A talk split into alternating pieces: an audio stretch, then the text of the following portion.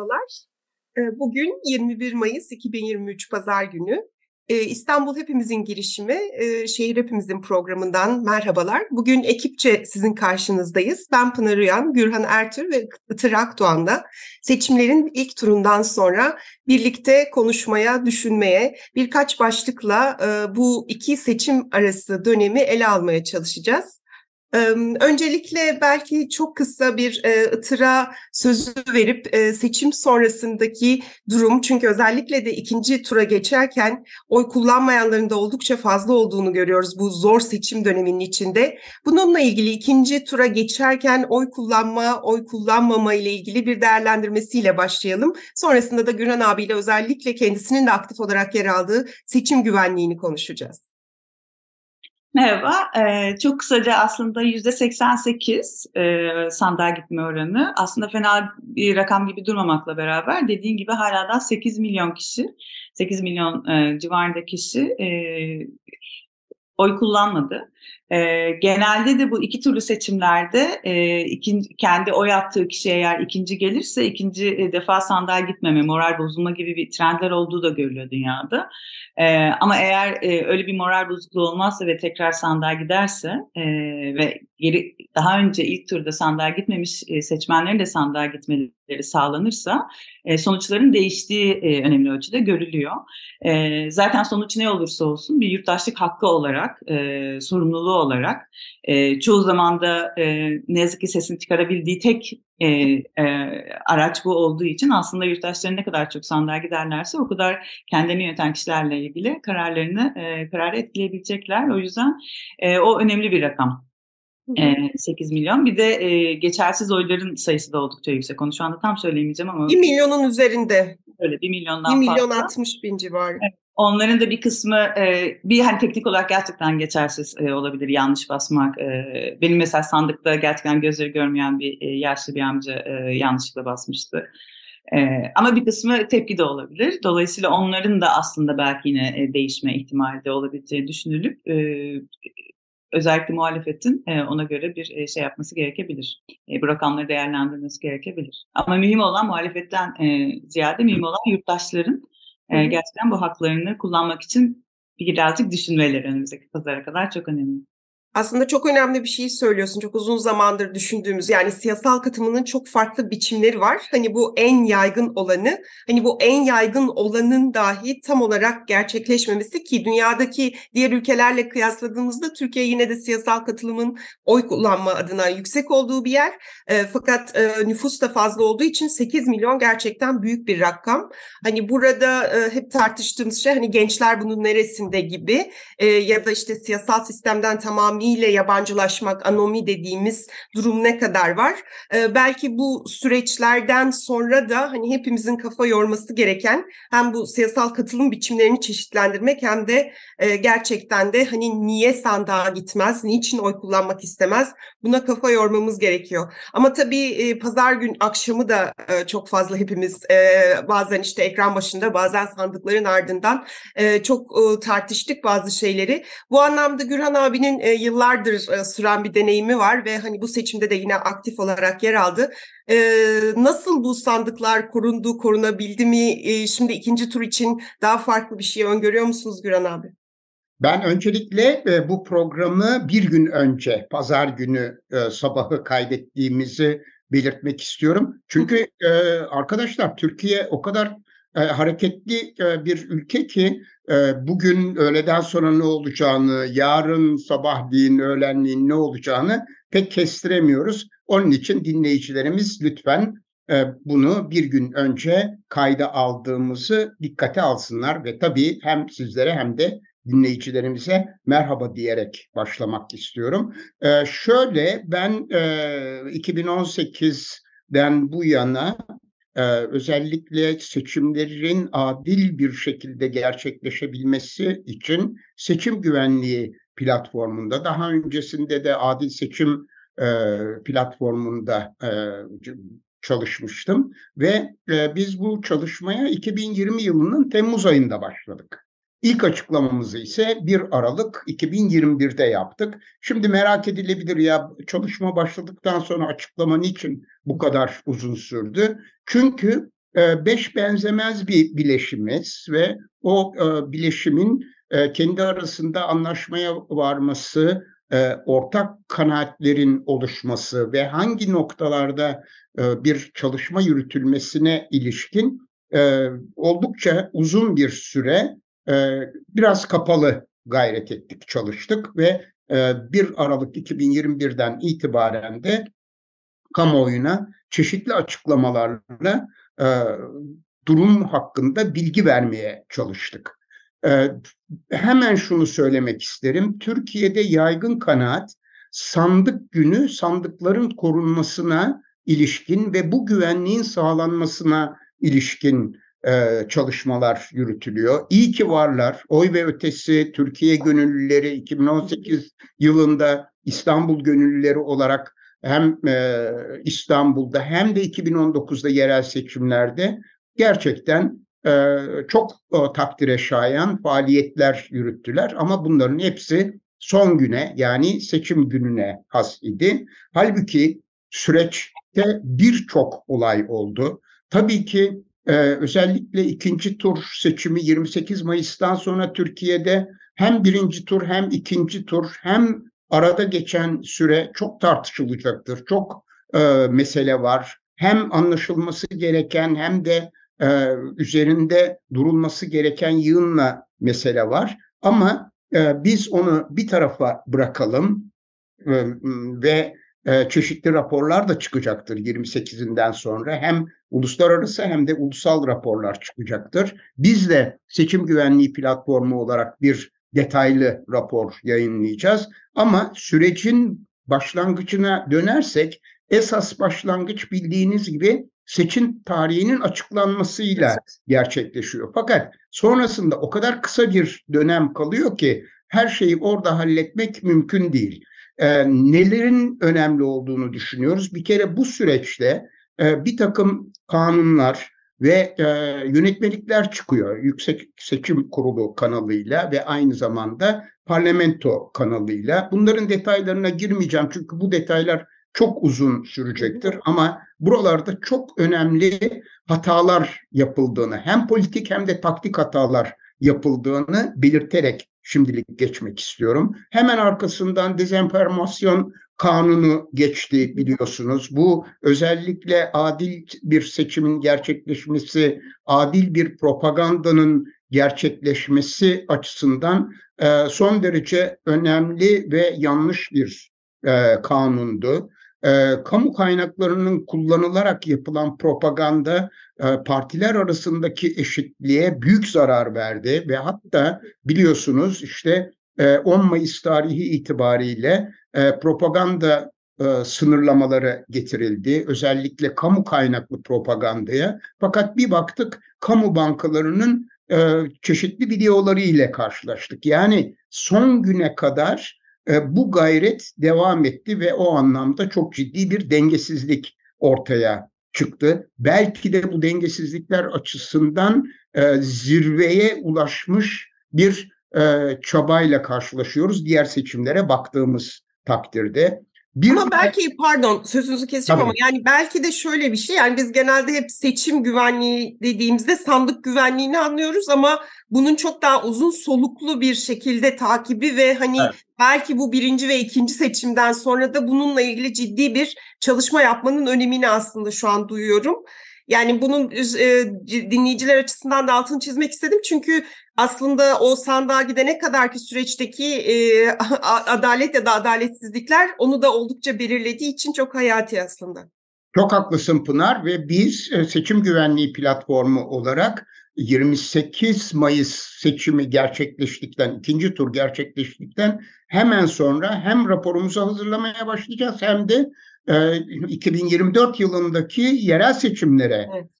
Çalışmaya başlayacağız. Bu son derece önemli ve bu süreyi iki yıl gibi belirlemek son derece doğru. Yani bunu özellikle altını çizerek belirtiyorum. Burada bu süreçte belirtmek bu sürece ilişkin belirtmek istediğim bir diğer önemli mesele de partilerin milletvekili adaylarını seçmeleriyle ilgili bence oralarda da kesin kriterler olması lazım. Bunları belki başka bir başka programlarda tek tek açmamız yararlı olacaktır diye düşünüyorum. Ama burada da sivil toplum olarak partilere milletvekili adaylarını seçerken uygulamaları gereken kriterler hakkında görüşlerimizi iletmemizin yararlı olduğu konusundayım. Seçim günü akşamına da ilişkin son bir şey söylemek istiyorum. Bu bilişim merkezlerinin yönetimi, idaresi, katiyetle partiye bağlı milletvekillerinin, genel başkan yardımcılarının e, başında olduğu, yönetiminde olduğu merkezler olmamalı. Ve biz bunu e, bir buçuk sene önce e, mu, muhalefetteki partilerin liderlerine e, çok net olarak aktardık. Neden? Çünkü o işin başında olan insanlar aynı zamanda taraf durumundalar. Hı hı. Bu tür teknik çalışmaların mutlaka e, bağımsız uzmanların eline teslim edilmesi ve bu alanların kapalı çalışması. Biliyorsunuz bilişim merkezleri kon, e, kuruluyor. Yani sanki e, Ay'a e, bir e, füze gönderiyoruz gibi herkesin de izlemesi sağlanıyor. Hayır, buralar kapalı alanlar olmalı ama bir iletişim merkezi olmalı ve online bilginin, e, anlık bilginin mutlaka kamuoyuyla an be an paylaşılması gerekir diye düşünüyoruz. Ben burada durayım. Daha iler, e, ileriki aşamalarda tekrar gerekirse biraz daha detaylara girelim. Çok teşekkür ederim. Ben teşekkür ederim. Gerçekten de bütün bu başlıklar çok önemli. Bir de şöyle bir durum var tabii yani içinde bulunduğumuz hal toz duman e, o kadar çok şeyi bir anda hem izlememize hem konuşmamıza yol açıyor ki bazı çok temel noktaları atlıyor olabiliriz. Ama gerçekten de yani pazar gecesi e, bütün o ekran karşısındaki vatandaşların e, hani hem oylarını hem işte sonucu takip etme süreci ve farklı kanallardan farklı deneyimler e, elde edilmesi hani bütün bunları çok sakin bir biçimde konuşmak gerekiyor. Hani bu hafta iki haftanın ortasında belki ele alamadık yeteri kadar ama e, bunlar hepimiz için, herkes için ve özellikle demokrasinin geleceği açısından çok kıymetli geliyor bana da. E, belki Itıra da kısaca bir söz verebilirim. Özellikle bu bizim e, kendi ajandamız daha şehir ve yerel siyaset açısından çok önemli bir noktayı söyledi Gürhan abi. Yani 2024'te de başka bir seçim var ve hani onun için hatta kendi söylediği tarihe göre şu andan bile geç kalınmış durumda. Bu bağlamda hani senin düşüncelerin neler? Benim de birkaç çekim olacak ama önce istersen sen başla.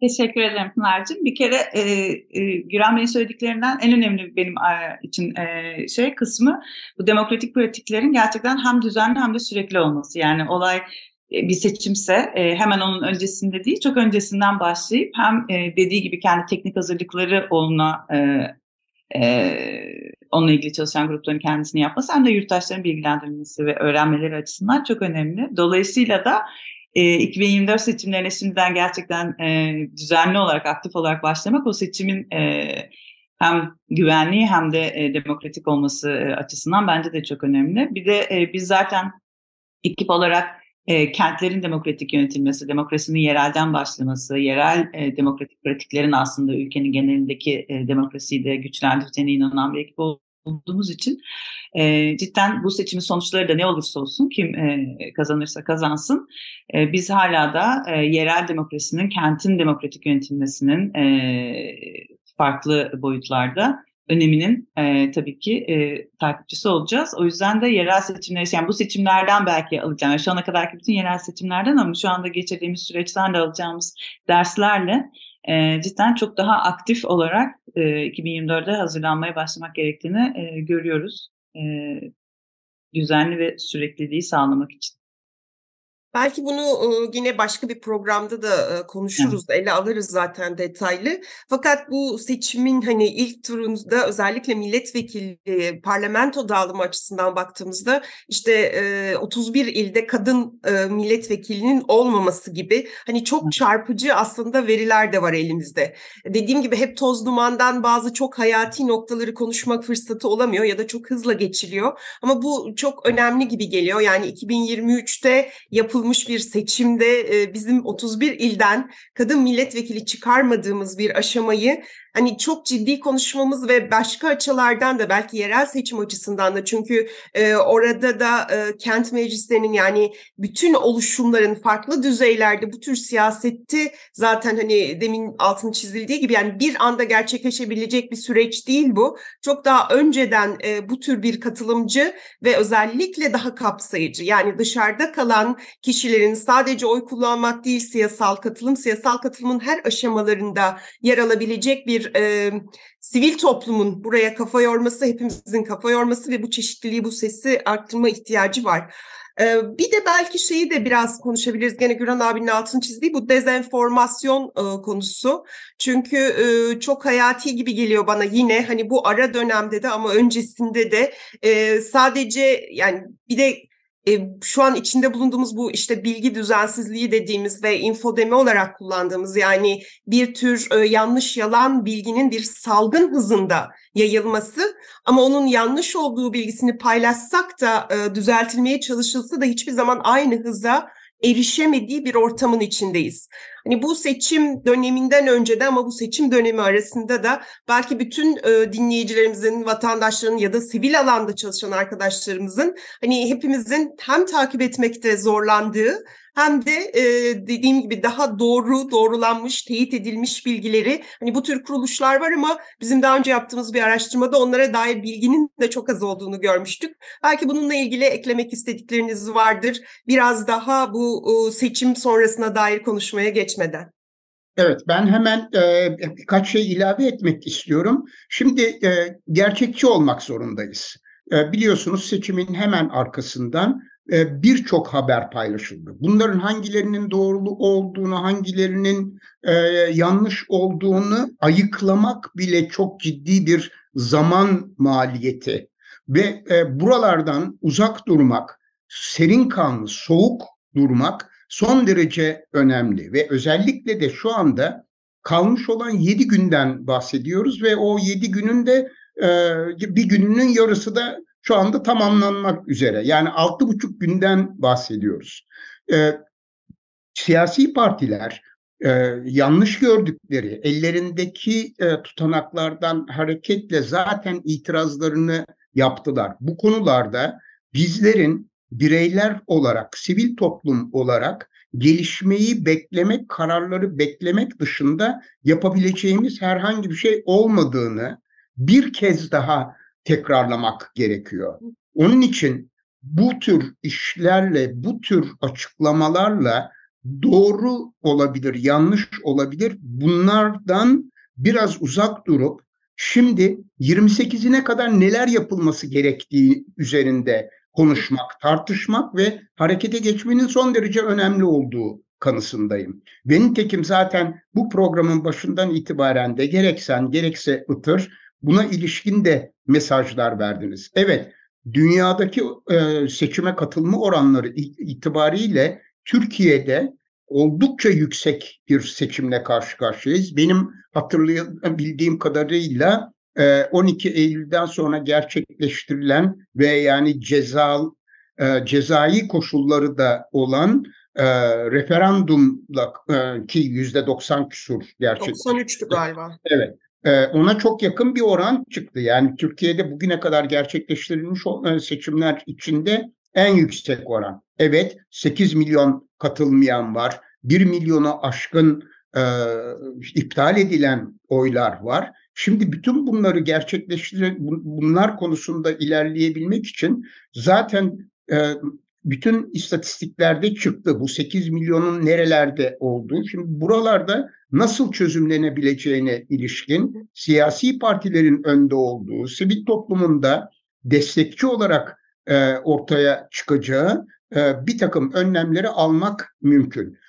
Ancak bir diğer problem de gerek partilerin seçim kurullarındaki, sandık seçim kurullarındaki e, üyelerinin gerekse müşahit olarak sandıkların başında bulunan bireylerin eğitimleri konusunda maalesef yeteri kadar ciddi davranılmadığı, bunda bireylerin payı çok yüksek. Çünkü bu eğitimler siyasi partiler tarafından ve sivil toplum tarafından oy ve ötesi Türkiye e, gönüllüleri tarafından ve şu anda isimlerini hatırlayamadığım diğer oluşumlar tarafından e, çok dikkatli bir şekilde verildi. Ama bu kısa dönemde bence okul sorunlarının e, harekete geçmesi ve onların e, özellikle gelecek hafta pazar günü e, yapmaları, o, e, pazar gününe kadar yapmaları gerekenleri özetleyip onların önüne koymanın çok önemli olduğunu düşünüyorum. Yani e, eğitmenlerin e, e, bir anlamda okul sorumluluğuna kadar indirileceği bir e, sürecin imkanı vardır ve bu şans kullanılmalıdır diye düşünüyorum. Yoksa tek tek işte yeniden sandık grubu üyelerini eğiteceğiz, yeniden müşahitleri eğiteceğiz. Bunlar e, küçük küçük çünkü her bir okulda işte 10 ile 30 arasında sandık bulunuyor e, ve e, buradaki insanların kendi yöneticileri, günlük yöneticileri tarafından çok rahatlıkla uzaktan da eğitilebilecekleri kanısındayım. Buna ilişkin çok olumlu örnekleri de bildiğim için e, bunu rahatlıkla söyleyebiliyorum. Çünkü bu eğitimden geçmiş olan insanların bulunduğu okullarda problemler de minimuma iniyor. Çatışmalar da minimuma iniyor. Evet, eklemek istediğim buydu Pınar. Çok teşekkürler. Bu aslında çok hayati. Yani hem seçimde gerçekten de hani vatandaş olarak bir siyasal katılımın önemli bir demokrasinin önemli bir işlediğine dair bir gösterge olarak oy kullanabilme ve bu oyların da düzgün sayıldığını, sağlıklı bir biçimde bu sürecin işlediğine e, inanç, yani sonucundan bağımsız olarak buradaki bir kuşku zaten bir de içinde bulunduğumuz işte bu dezenformasyon çağında tamamen e, sandıktan ya da seçimden ya da siyasal sistemden e, gençlerin özellikle daha da uzaklaşmasına yol açabileceği kanısındayım. O yüzden e, seçim güvenliğini ve bütün bu tartıştığımızın e, aşamalarıyla yani bu süreçten sonra da tekrar e, ele almamız, görüşmemiz ve yerel seçimler açısından da e, eğer varsa hani aksaklıklar çünkü ilk e, konuşmamız turda söylediğiniz Güran abi şey çok önemliydi. Yani bunu bağımsız bir yerde tutarak e, açıklanan sonuçların bağımsız bir yerden de e, teyit edildiğinin sağlandığı bir ortam yaratabilmek ve böylece e, gerçekten de hepimizin ihtiyacı olan o güven sonuçlara dair güvenin sağlanmasına imkan yaratmak. Bunu e, bir biçimde e, yapmamız gerekiyor herhalde bundan sonraki seçimler içinde. E, Itır e, pardon. ben bir şeyi eklemek istedim. Aslında bu tam da daha genel hani daha demokratik bir şey olarak bakarsak e, şeffaflık, hesap verebilirlik birazcık e, o, o tip şeyleri öğrenmeleri için de özellikle ilk defa kullanan e, gençler için yani bu, bu pratiğe ilk defa başlayanlar için de bence çok önemli gerçekten. Bir yandan hani hep diyoruz yani verginin pesine düş, e, oyunun da yani gidip sandığa oy atmak en azından o, o oyun o sürecin devamını takip etmeleri açısından da aslında öğretici e, olurdu. Bilgi kirliliği için de bilgi kirliliğiyle kapsayıcılığın da birazcık bazen e, beraber gittiğini de e, düşünüyorum ben. O, onun da şeyi yine biraz önce söylediğim gibi aslında e, son dakikada böyle bir seçim süreci başladığında yanlış bilgi, işte eksik bilgi gibi değil, düzenli olarak aslında doğru bilgiyi e, üretmek bizim birazcık e, aslında şehir hepimizin de yapmaya da çalıştığımız düzenli olarak kentle ilgili bilgi paylaşmak e, ve de e, dediğim gibi o kapsayıcılıkla mesela kentlerdeki 31 kentte kadının olmadığını söylediğin zaman onunla ilgili bilgiyi de yani antidemokratik durumları da düzenli olarak paylaşmak yurttaşlara hatırlatmak da e, yine onun bir parçası ve çok önemli olduğunu yani söylediğin şeyin çok önemli olduğunu bir tekrardan hatırlatmak istedim. Tabii içinde yaşadığımız e, ülke gerçekten böyle hep söylüyorum bir sosyal bilimci olarak e, belki başka bir şekilde içinde yaşamasak e, tam bir laboratuvarın içindeyiz ama içinde yaşayınca onun bütün o tozu dumanı içinde de kaybolurken e, sakin kalmak, sağduyulu bir şekilde analizler yapmak her zaman çok mümkün olmuyor ama e, yine ilk başta söylediğimiz o şüphe kası dediğimiz bir şey çok hayati. Çünkü çok fazla e, yanlış, yalan, e, yani burada da her zaman kötü niyetli olarak değil bunu biliyoruz. Pandemi döneminde döneminden de en çok bildiğimiz bir şeydi bu. Çok iyi niyetli olarak da yanlış bilgiler paylaşılabiliyor. Özellikle kapalı WhatsApp gruplarındaki görüntüler, videolar, sesli e, aktarımlar çok e, ciddi sonuçlara varan e, yanlış bilgi paylaşımlarına e, yapabiliyor. Yani sadece işte e, birileri oturup yanlış bilgi üretmiyor. Aslında o üretilen yanlış bilginin e, sıradan insanlar tarafından çok daha organik bir biçimde paylaşımıyla biz e, başka bir dünyanın içine giriyoruz. O yüzden e, bu sosyal medya gerçekliği içinde doğru bilgiyi, gerçek bilgiyi, sağduyulu yaklaşmayı bunları e, öğrenmek ve bununla baş etmekte herhalde birinci sorumluluklarımızdan biri artık.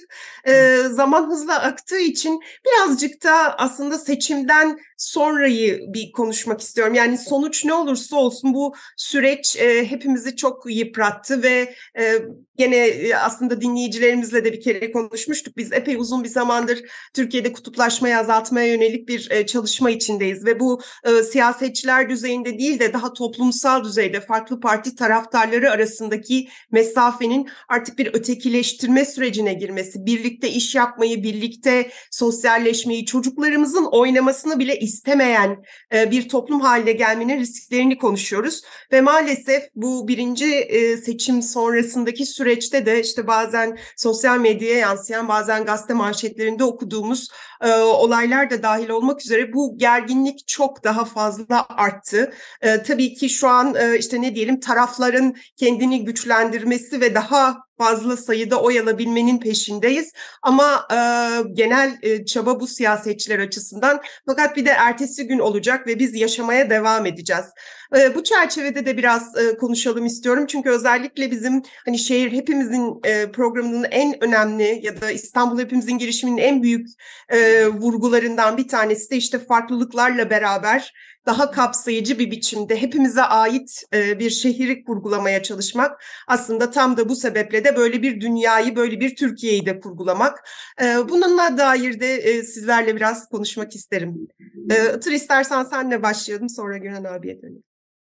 Çok doğru söylüyorsun yani çok gerçekten hele ki de bu önümüzdeki bu 6 gün e, Güran Bey'in dediği gibi iyice artacak. E, çünkü e, oy e, kazanıyor e, taraflar bu e, nefret suçuna varacak neredeyse e, dille e, ve bunu seçimden sonra sonuç ne olursa olsun söylediğin gibi yumuşatmak da e, birazcık yine sivil topluma kalacak en azından bizim gibi e, bunun tam tersine inanan tam tersiyle ancak e, herkesin iyi e, yaşayacağı, iyi olacağı, iyi hissedeceği bir ülkede, bir kentte yaşamak. O, o yumuşatma işi bize kalacak. Ama tam yumuşatacağız derken bu defa tekrar yeni seçimler gelecek. O yüzden bu yerel seçimlerin gerçekten e, e, konuştuğumuz gibi hem e, bundan alacağımız derslerle ama bir yandan da bambaşka bir e, şeye çevirmek de e, yöne doğru çevirmek de yine bizim elimizde.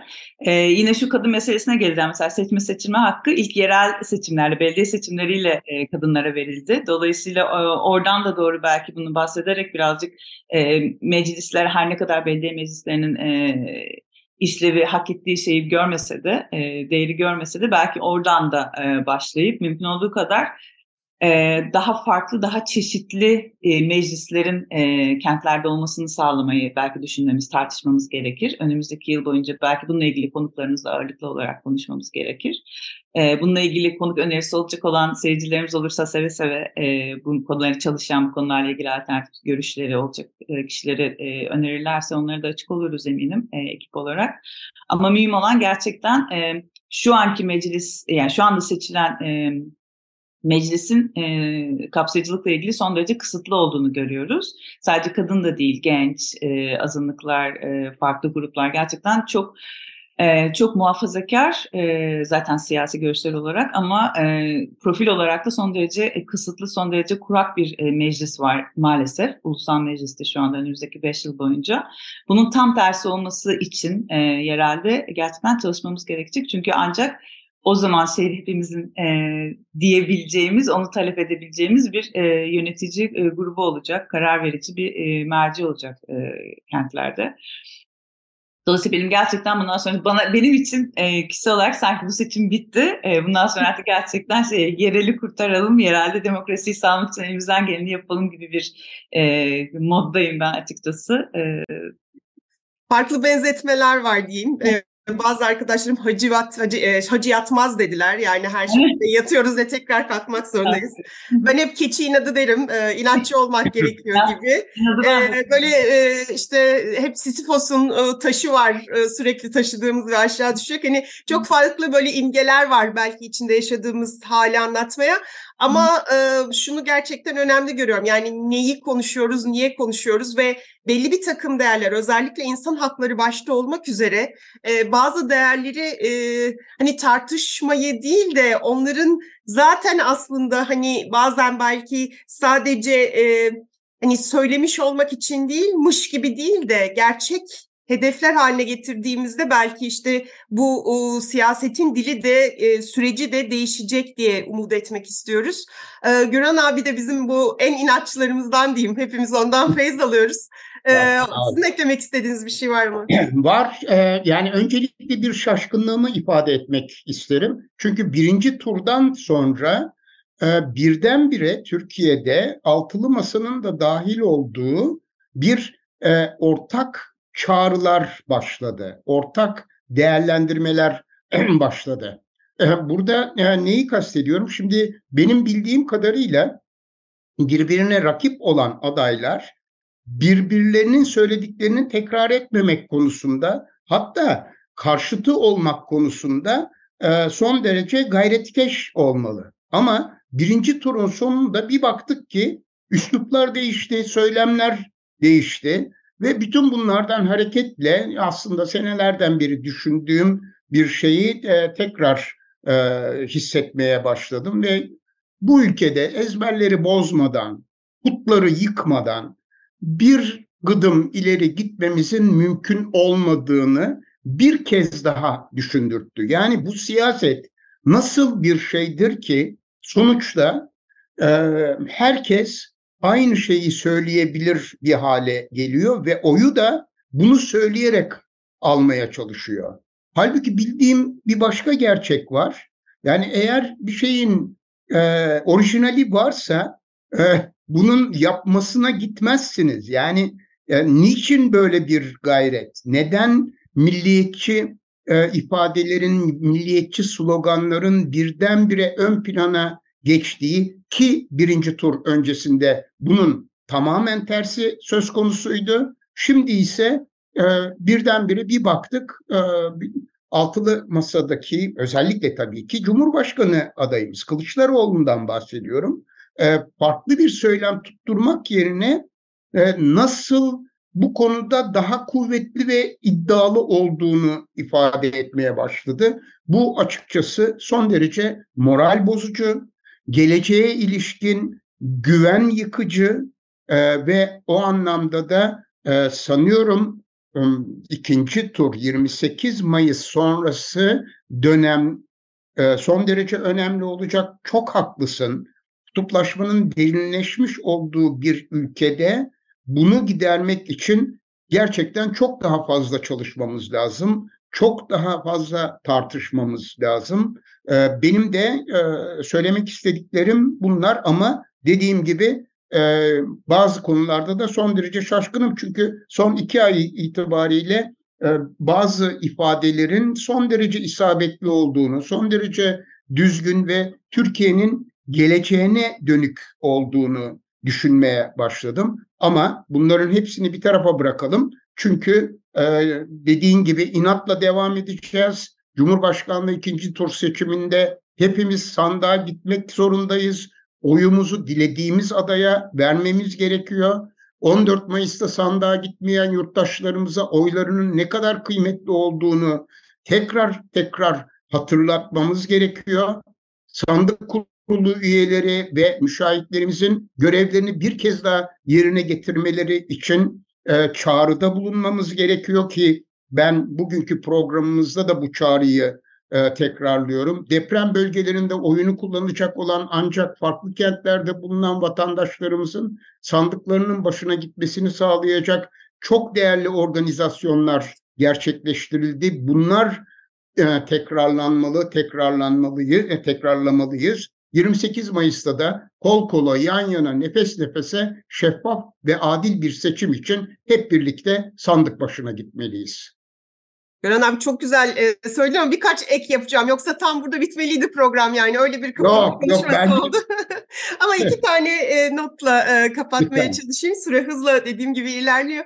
Bir tanesi e, tam da bu hani giderek artan o milliyetçi ton hatta işte göçmen karşıtlığının çok yükselmesi e, ve e, bizim sahada yaptığımız çalışmalarda maalesef zaten çok ciddi bir göçmen karşıtlığını e, Suriyeli Ya. karşıtlığını aslında tam da kelimenin anlamıyla mülteci olan bir grubun e, bizde geçici koruma statüsü altındalar ama bu bir mültecilik durumu. Bunun çok yükseldiğini görüyorduk ve siyasetçilerin de bu dalgayı daha da arttırır, daha da meşrulaştırır bir şekilde ifade etmesi oldukça ciddi bir sorun. Bu hani seçimden sonra da e, birlikte yaşamak, bütün bu sor yani sorunları tartışmakla nefret söylemi arasındaki çizginin tamamen ortadan kalkması, çok daha güçlü bir karşı dilin egemen olması e, çok ciddi bir sorun. Bunu hani konuşmak gerekiyor ve giderek ben kendi çalışmalarımda ya da işte çok farklı gruplara e, bununla ilgili ders anlatmaya gittiğimde diyeyim ya da bu konuyu ele almaya gittiğimizde hani artık e, çok daha kolayca ifade edilebilecek cümleleri bile söylerken büyük tepkiler alıyoruz. Hani bunun da farkında olmak gerekiyor. Burada bir ufak notla e, bunu söylemek isterim. İçinde olduğumuz dünyanın e, koşulları, iklim krizi başta olmak üzere göçü hepimiz için aslında çok normal ve hatta bir çözüm olarak, bir gerçeklik olarak ortaya koyacak. Yani buradaki tartışmaları izleyenlerimiz mutlaka vardır. Hani iklim krizinin yaratacağı dünyada insan hareketliliğinin inanılmaz boyutlarda olması bekleniyor ve bizim göçü başka şekilde kavramsallaştırmaya, başka şekillerde düşünmeye, insan hakları dili içinden bakmaya ihtiyacımız var. Ee, bunu da sakin, e, hani e, gerçekten de sağduyulu bir biçimde yapabilmemiz gerekiyor. Hani bu da herhalde seçimlerden sonra e, biraz daha farklı şekillerde konuşacağımız, tartışacağımız bir alan. Çünkü demin konuştuğumuz dezenformasyon da en yoğun olarak bu alanda yapılıyor.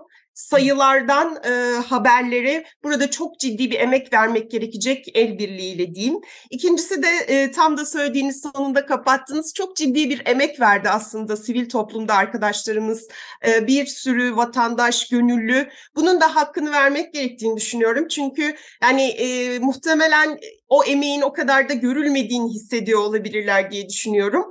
E, hepsinin ellerine sağlık. Herkesin yani bir sivil toplum alanından ya da işte gönüllü olarak bu çabayı gösteren, bu şeffaflığı sağlamaya çalışan, bu emeği veren herkesin e, emeğine sağlık diyorum. Hani umarım e, bundan sonraki programlarda daha e, farklı şekillerde bunu daha açabilecek yani kapsayıcılığı daha farklı nasıl kılabiliriz'e beraberce düşünmeye devam ederiz diyeyim. Itırcım eklemek istediğin, Gören abi eklemek istediğin var mı? Benim eklemek istediğim var. Senden ilham alarak ek- e, eklemek istiyorum. Çünkü son derece önemli bir konuyu e, detaylandırdın. E, eğer Türkiye'den batıya göçü engellemek istiyorsak ve geçmiş olanları da geri getirmek istiyorsak sandık başına gitmemiz lazım. 28'inde oylarımızı dikkatlice kullanmamız lazım ve Türkiye'deki kutuplaşmanın, çatışmanın ortadan kalkması konusunda son derece önemli bir sınavla karşı karşıya Türkiye toplumu. Eklemek istediğim bu.